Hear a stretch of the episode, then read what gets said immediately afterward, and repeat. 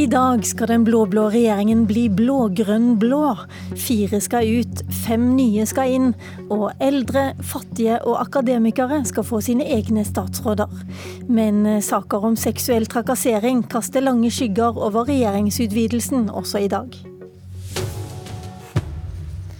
Ja, Vi skal snakke om regjeringsutvidelse, men først om situasjonen i Høyre, som den siste uka har fått inn 15 varsler om seksuell trakassering. Ti av disse gjelder nå avgåtte Unge Høyre-leder Christian Tonning Riise.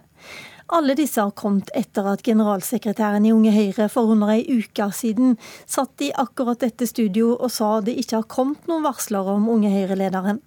Nå vet vi også at et fylkeslag i Unge Høyre i flere år har takka nei til å få besøk av lederen sin. I tillegg har flere fylkeslag hatt en vaktordning for å beskytte unge jenter når han kom på besøk. Og her i NRK har vi også meldt at landsstyret i Unge Høyre diskuterte Christian Tonning Rises oppførsel. Det som ikke har forandra seg på ei uke, det er at ledelsen i både Unge Høyre og Høyre sier at dere ikke visste om Tonning Rises oppførsel overfor unge jenter. Hvordan er det mulig, generalsekretær Jon Ragnar Aarseth?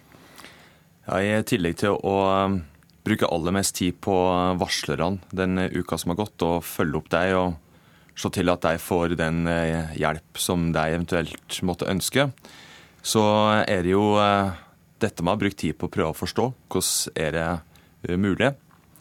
Eh, og eh, det er ingen tvil om at Kristian Tonning Riise har blitt konfrontert med tidvis dårlig oppførsel av sine venner og kollegaer i Unge Høyre ved flere anledninger. Men det var først på Seinhausen i november i fjor at, at jeg ble direkte kontakta av generalsekretæren i Unge Høyre, Maria Sanner, hvor hun eh, uttrykte stor bekymring knytta til oppførselen hans, og mente at eh, dette var noe som vi måtte jobbe sammen for å gå nærmere inn i. Og nå kjenner vi det bedrøvelige resultatet. Han, han gikk av, og ikke minst vi har fått fram alle disse varslene i den uka som har gått. Men Kristian Tonning Riise har vært og er for så vidt en talentfull ung mann. Han er en skarp politiker, og han hadde mange prestisjetunge verv for både for Unge Høyre, men også for Høyre. Han er stortingsrepresentant også. Er det derfor man har uh, hatt litt lett for å se bort? Funnet unnskyldninger? Um, nei, det tror jeg ikke. Men um, det er ingen tvil om at det har svikta her fundamentalt. Og det beklager vi veldig sterkt. Det beklager jeg veldig sterkt. Men dere har eh, beklaga veldig mange ganger. Jeg tror ja. de fleste har fått det med seg, at dere er fryktelig lei dere for dette her. Men er du kommet noe nærmere en forklaring? når det er så mange ja, varsler som dette? Vi har, eh, vi har jo eh, kommet til noen eh, erkjenninger. Eh, det ene er at det finnes ulike forklaringer her på hvorvidt eh, ting har blitt tatt opp. Hvorvidt folk har skjønt at en kanskje har fått et varsel. og det er en stor utfordring som jeg ikke kan leve med lenger, at ikke ting blir skrevet ned. Eh, I frykt for at informasjon skulle komme på avveie, bl.a., så har en ikke loggført og notert ned når varsel og eh, bekymringer har, eh, har, kommet. Men er ikke det, også en bekymring når man har vært redd for å skrive ting ned? Er ikke det også en bekymring for at ting kommer ut? Sandra Bruflot snakka litt om i går at det har vært en maktkamp i Unge Høyre som gjør at det hun kanskje venter for lenge med å tro på dette? Mm. Jo, jeg skjønner at det er lett å stille det spørsmålet. Men eh, nå har vi i hvert fall eh, konkludert med at dette kan ikke fortsette. Vi må eh, dokumentere. Vi må ta mer alvorlig tak når vi får bekymringer. Det er også noe med å eh, forstå eh, når noen eh, tar mot til seg, som kanskje ikke alltid er den som rekker opp hånda og som snakker høyest. Eh, når noen sier at her har det kanskje skjedd noe som er ugreit, eh, og, og da forstå at det ligger noe mer alvorlig bak. Altså dette, dette er type, type spørsmål og, og, og, tema som, eh, som egentlig ja, krever ganske stor kompetanse. Men hvis dere det, ikke har skjønt etter flere års antydninger, hentydninger, fylkeslag som ikke vil ha lederen sin på besøk, mm. Er dere da de rette til å ordne opp videre? Ja, det Nå lurer jeg får, både på eh, deg og jeg lurer på Unge Høyre-lederen som har tatt over. Hun har vært nestleder i fire år. Mm. Ja, Det får andre avgjøre. Eh, den tida vi er i nå, så har vi brukt alle våre krefter på å, på å håndtere denne saken i form av å ta oss av varslerne og prøve å kartlegge og forstå hvordan kunne dette skje. Og så får andre avgjøre om det er noen andre som skal ta stafettpinnen videre. Den mest eh, alvorlige saken som i hvert fall er omtalt, eh, det har Aftenposten skrevet om, eh, at ei jente på 16 år som ikke var i stand til å si verken ja eller nei, endte opp med å ha sex med mannen som skulle passe på henne, nemlig Christian Tonning Riise. Og dette var ikke noe ønske si etterpå. Dette kan jo være en straffbar handling. Kommer det til å bli anmeldt av dere? Um, vi er veldig opptatt av å bevare den tilliten som vi har med varslerne. Eh, og eh, Foreløpig så er vår konklusjon at eh, vi stiller bistand og hjelp til de varslerne som måtte ønske det, for å få vurdert sakene sine, men at det er eventuelt de som tar sine saker videre.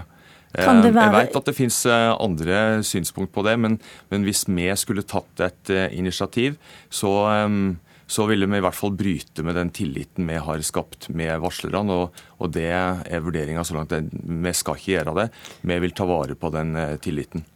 Men det betyr da at hvis ikke disse jentene som har varsla, enten denne jenta som var 16 år da, eller noen av de andre ti som har varsla etterpå, hvis ikke de anmelder det, så kan Høyre sitte på informasjon om mulige lovbrudd hos en stortingsrepresentant uten å melde det til politiet? Alternativt så kan eh, politiet ta selvstendige initiativ. Det skjer jo også i enkelte saker. Ja, Regner du med det, kanskje? Det har jeg ikke noen forutsetning for å mene noe om. Greit. Hjertelig takk skal du ha, eh, Jon Ragnar Aarseth. Forresten, før du går, eh, har du fått med deg hvem som blir med i den nye regjeringen? Nei, jeg har hatt helt andre oppgaver denne uka, så jeg veit ikke det. Og jeg veit jeg, jeg, skal innrømme at jeg har heller ikke enda lest Jeløya-erklæringa, men men Erna har lovt meg at den er veldig bra, så jeg gleder meg til å lese den. Du kan i hvert fall høre litt videre, så skal du få med deg hvem som blir nye statsråder et øyeblikk bare.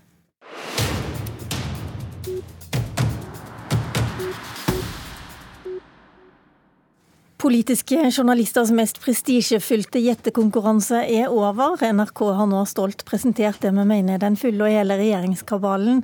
Men før vi går på den, i hvor stor grad skygger Riise-saken for det som skulle være en riktig gladdag for Høyre? Tone Sofie Aglen, du er politisk redaktør i Adresseavisa.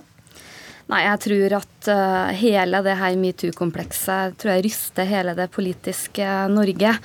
Og å få en så stygg sak for Høyre tror jeg er veldig krevende. Jeg tror det er veldig mange som ikke skjønner hvordan man har klart å ikke reagert før på en så stygg sak.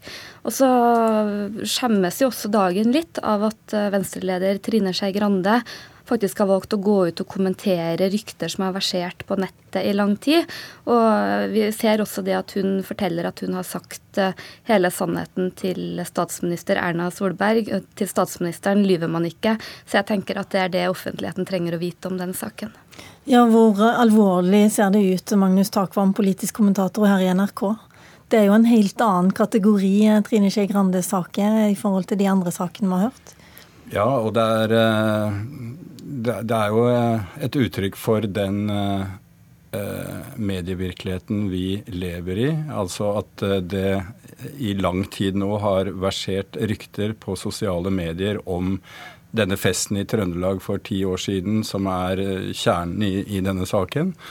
Og da åpenbart ser vi når Trine Skei Grande går offentlig ut med det, at det har presset fram nettopp det. Og jeg opplever vel at det hun forsøker å gjøre, er å ta eierskap til denne historien selv. Hun markerer bl.a. At, at dette etter hennes mening i stor grad dreier seg om en kampanje mot henne politisk fra høyreorienterte innvandringsmotstandere på nettet osv. Men det er klart, det vekker oppsikt på eh, nettopp denne dagen vi snakker om. Når det gjelder den saken med Trine Skei Grande, så er det ingen varsler og ingen anmeldelse, og en mann som omfattes av de samme ryktene, vil ikke kommentere, saken heller. Derfor så vil ikke Trine Skei Grande snakke mer om det her, og det skal ikke vi gjøre heller. Derimot så må vi jo spørre om Venstre blir fornøyd med statsrådkabalene som eh, de har fått lagt i dag. Hva tror du, Tone Sofie Aglen? Ja, jeg tror nok at uh, Venstre er fornøyd. Uh, samtidig så er det nok mange som er litt spørrende til uh, noen av valgene. jeg har jo opplevd at Venstre har vært veldig opptatt av å bredde seg som skoleparti. Og litt overraska over at ikke Kunnskapsdepartementet har stått øverst på ønskelista for Venstre-lederen.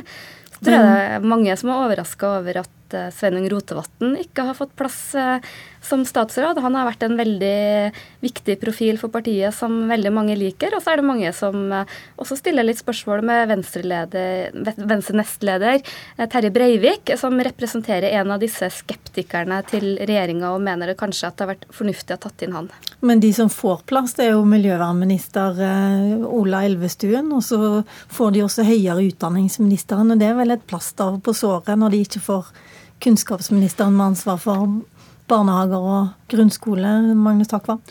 Ja, jeg tror nok det årsaken til at valget falt på kulturminister for partilederen, er at eh, skolepartiet Høyre har insistert på å beholde ansvaret for nettopp skole- og utdanningspolitikken, og dermed ble det ikke Eh, så interessant for Trine Skei Grande å bare ta en del av departementet, eh, som da går til Iselin Nybø.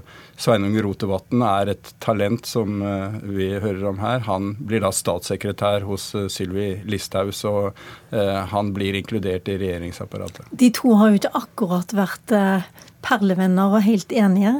Nei, det er klart. Noen eh, beskriver det som en vaktbikkje fra Venstre i Justisdepartementet. Det kan man mene hva man vil om, men det er opplagt at Venstres inntreden i, i regjeringen gjør jo at man får en oppmerksomhet på spenningsforholdet Venstre-Frp, også på innvandrings- og asylfeltet, åpenbart. Høyre har valgt å droppe det som eh, virka som en prestisjeminister for fire år siden, nemlig EU- og EØS-ministeren. I stedet så får man en bistandsminister og Nikolai Astrup. Hvorfor gjør de det? Det er eh, både fordi man har hatt en rekke rekke statsråder på det området og da ikke hatt kontinuitet. Det er også slik at en, eh, altså EØS-området er åpenbart veldig viktig for enhver norsk regjering. Og det har vært et problem at en dedikert EØS-EU-minister ikke møter kolleger i Europa på samme nivå. Altså, eh, dermed så, så, tror jeg at eh, Høyre har bestemt, eller vurderer det slik, at det er eh, like riktig å la utenriksministeren få ansvar for det feltet. Og så er eh, utviklingsområdet, Norad Eh, område det som budsjettmessig økonomisk er tyngst i Utenriksdepartementet. Og det har vært et massivt krav fra bistandsorganisasjoner om å få en dedikert minister. Til nå har man hatt en statssekretær. Så det er noe bakgrunn. Aglen, hvorfor trenger Norge en egen eldreminister, tror du? Eller hvorfor tror du regjeringen mener vi trenger det? Jeg er usikker på om landet trenger det, men jeg tror Frp trenger det. Fordi for, for, dem er eldreomsorg en svært viktig sak eh, i tillegg til innvandring og skatter og avgifter. Og jeg tror at de med en sånn egen ministerpost ser en mulighet til å profilere seg mye sterkere på det området. Eh, samtidig så er det jo litt sånn krevende da med disse spesialstatsrådene som ikke har et eget departement, og som det blir litt sånn underbruk. Jeg tror veldig ofte at, at man ikke helt lykkes med å ta ut potensialet, men jeg tror nok man man i større grad ønsker å ta ut eh, eldresatsinga, profilere den sterkere. Og så vet vi jo at det her prøveprosjektet med statlig finansiering av eldreomsorgen, det har ikke akkurat flydd. Så man ser vel kanskje også en mulighet til å få mer kraft i det. Og hva er mulighetene til Åse Michaelsen, som skal ta det vervet, Takvam? Kjenner du henne fra før?